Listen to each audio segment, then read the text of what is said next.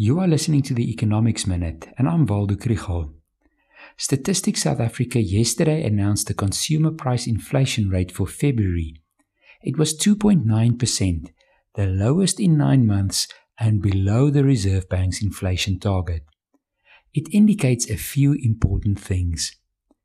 There is very little upward pressure on prices, and this reflects how slowly the re- economy is recovering. It echoes what one sees in weak wholesale and retail sales figures and in the low levels of consumer and business confidence. This gives the Monetary Policy Committee a more difficult decision. Economists agreed that with the increases in food and fuel prices, the chances are slim that the repo rate will be cut. But now the picture looks slightly different in the short term.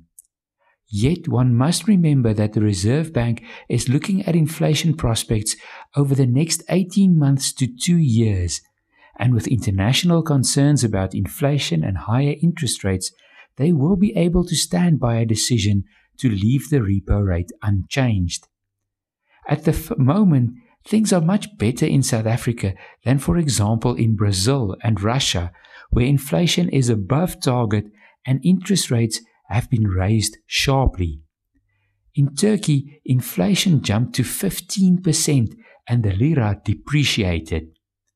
One can hardly underestimate the value of an independent reserve bank and strict monetary policy.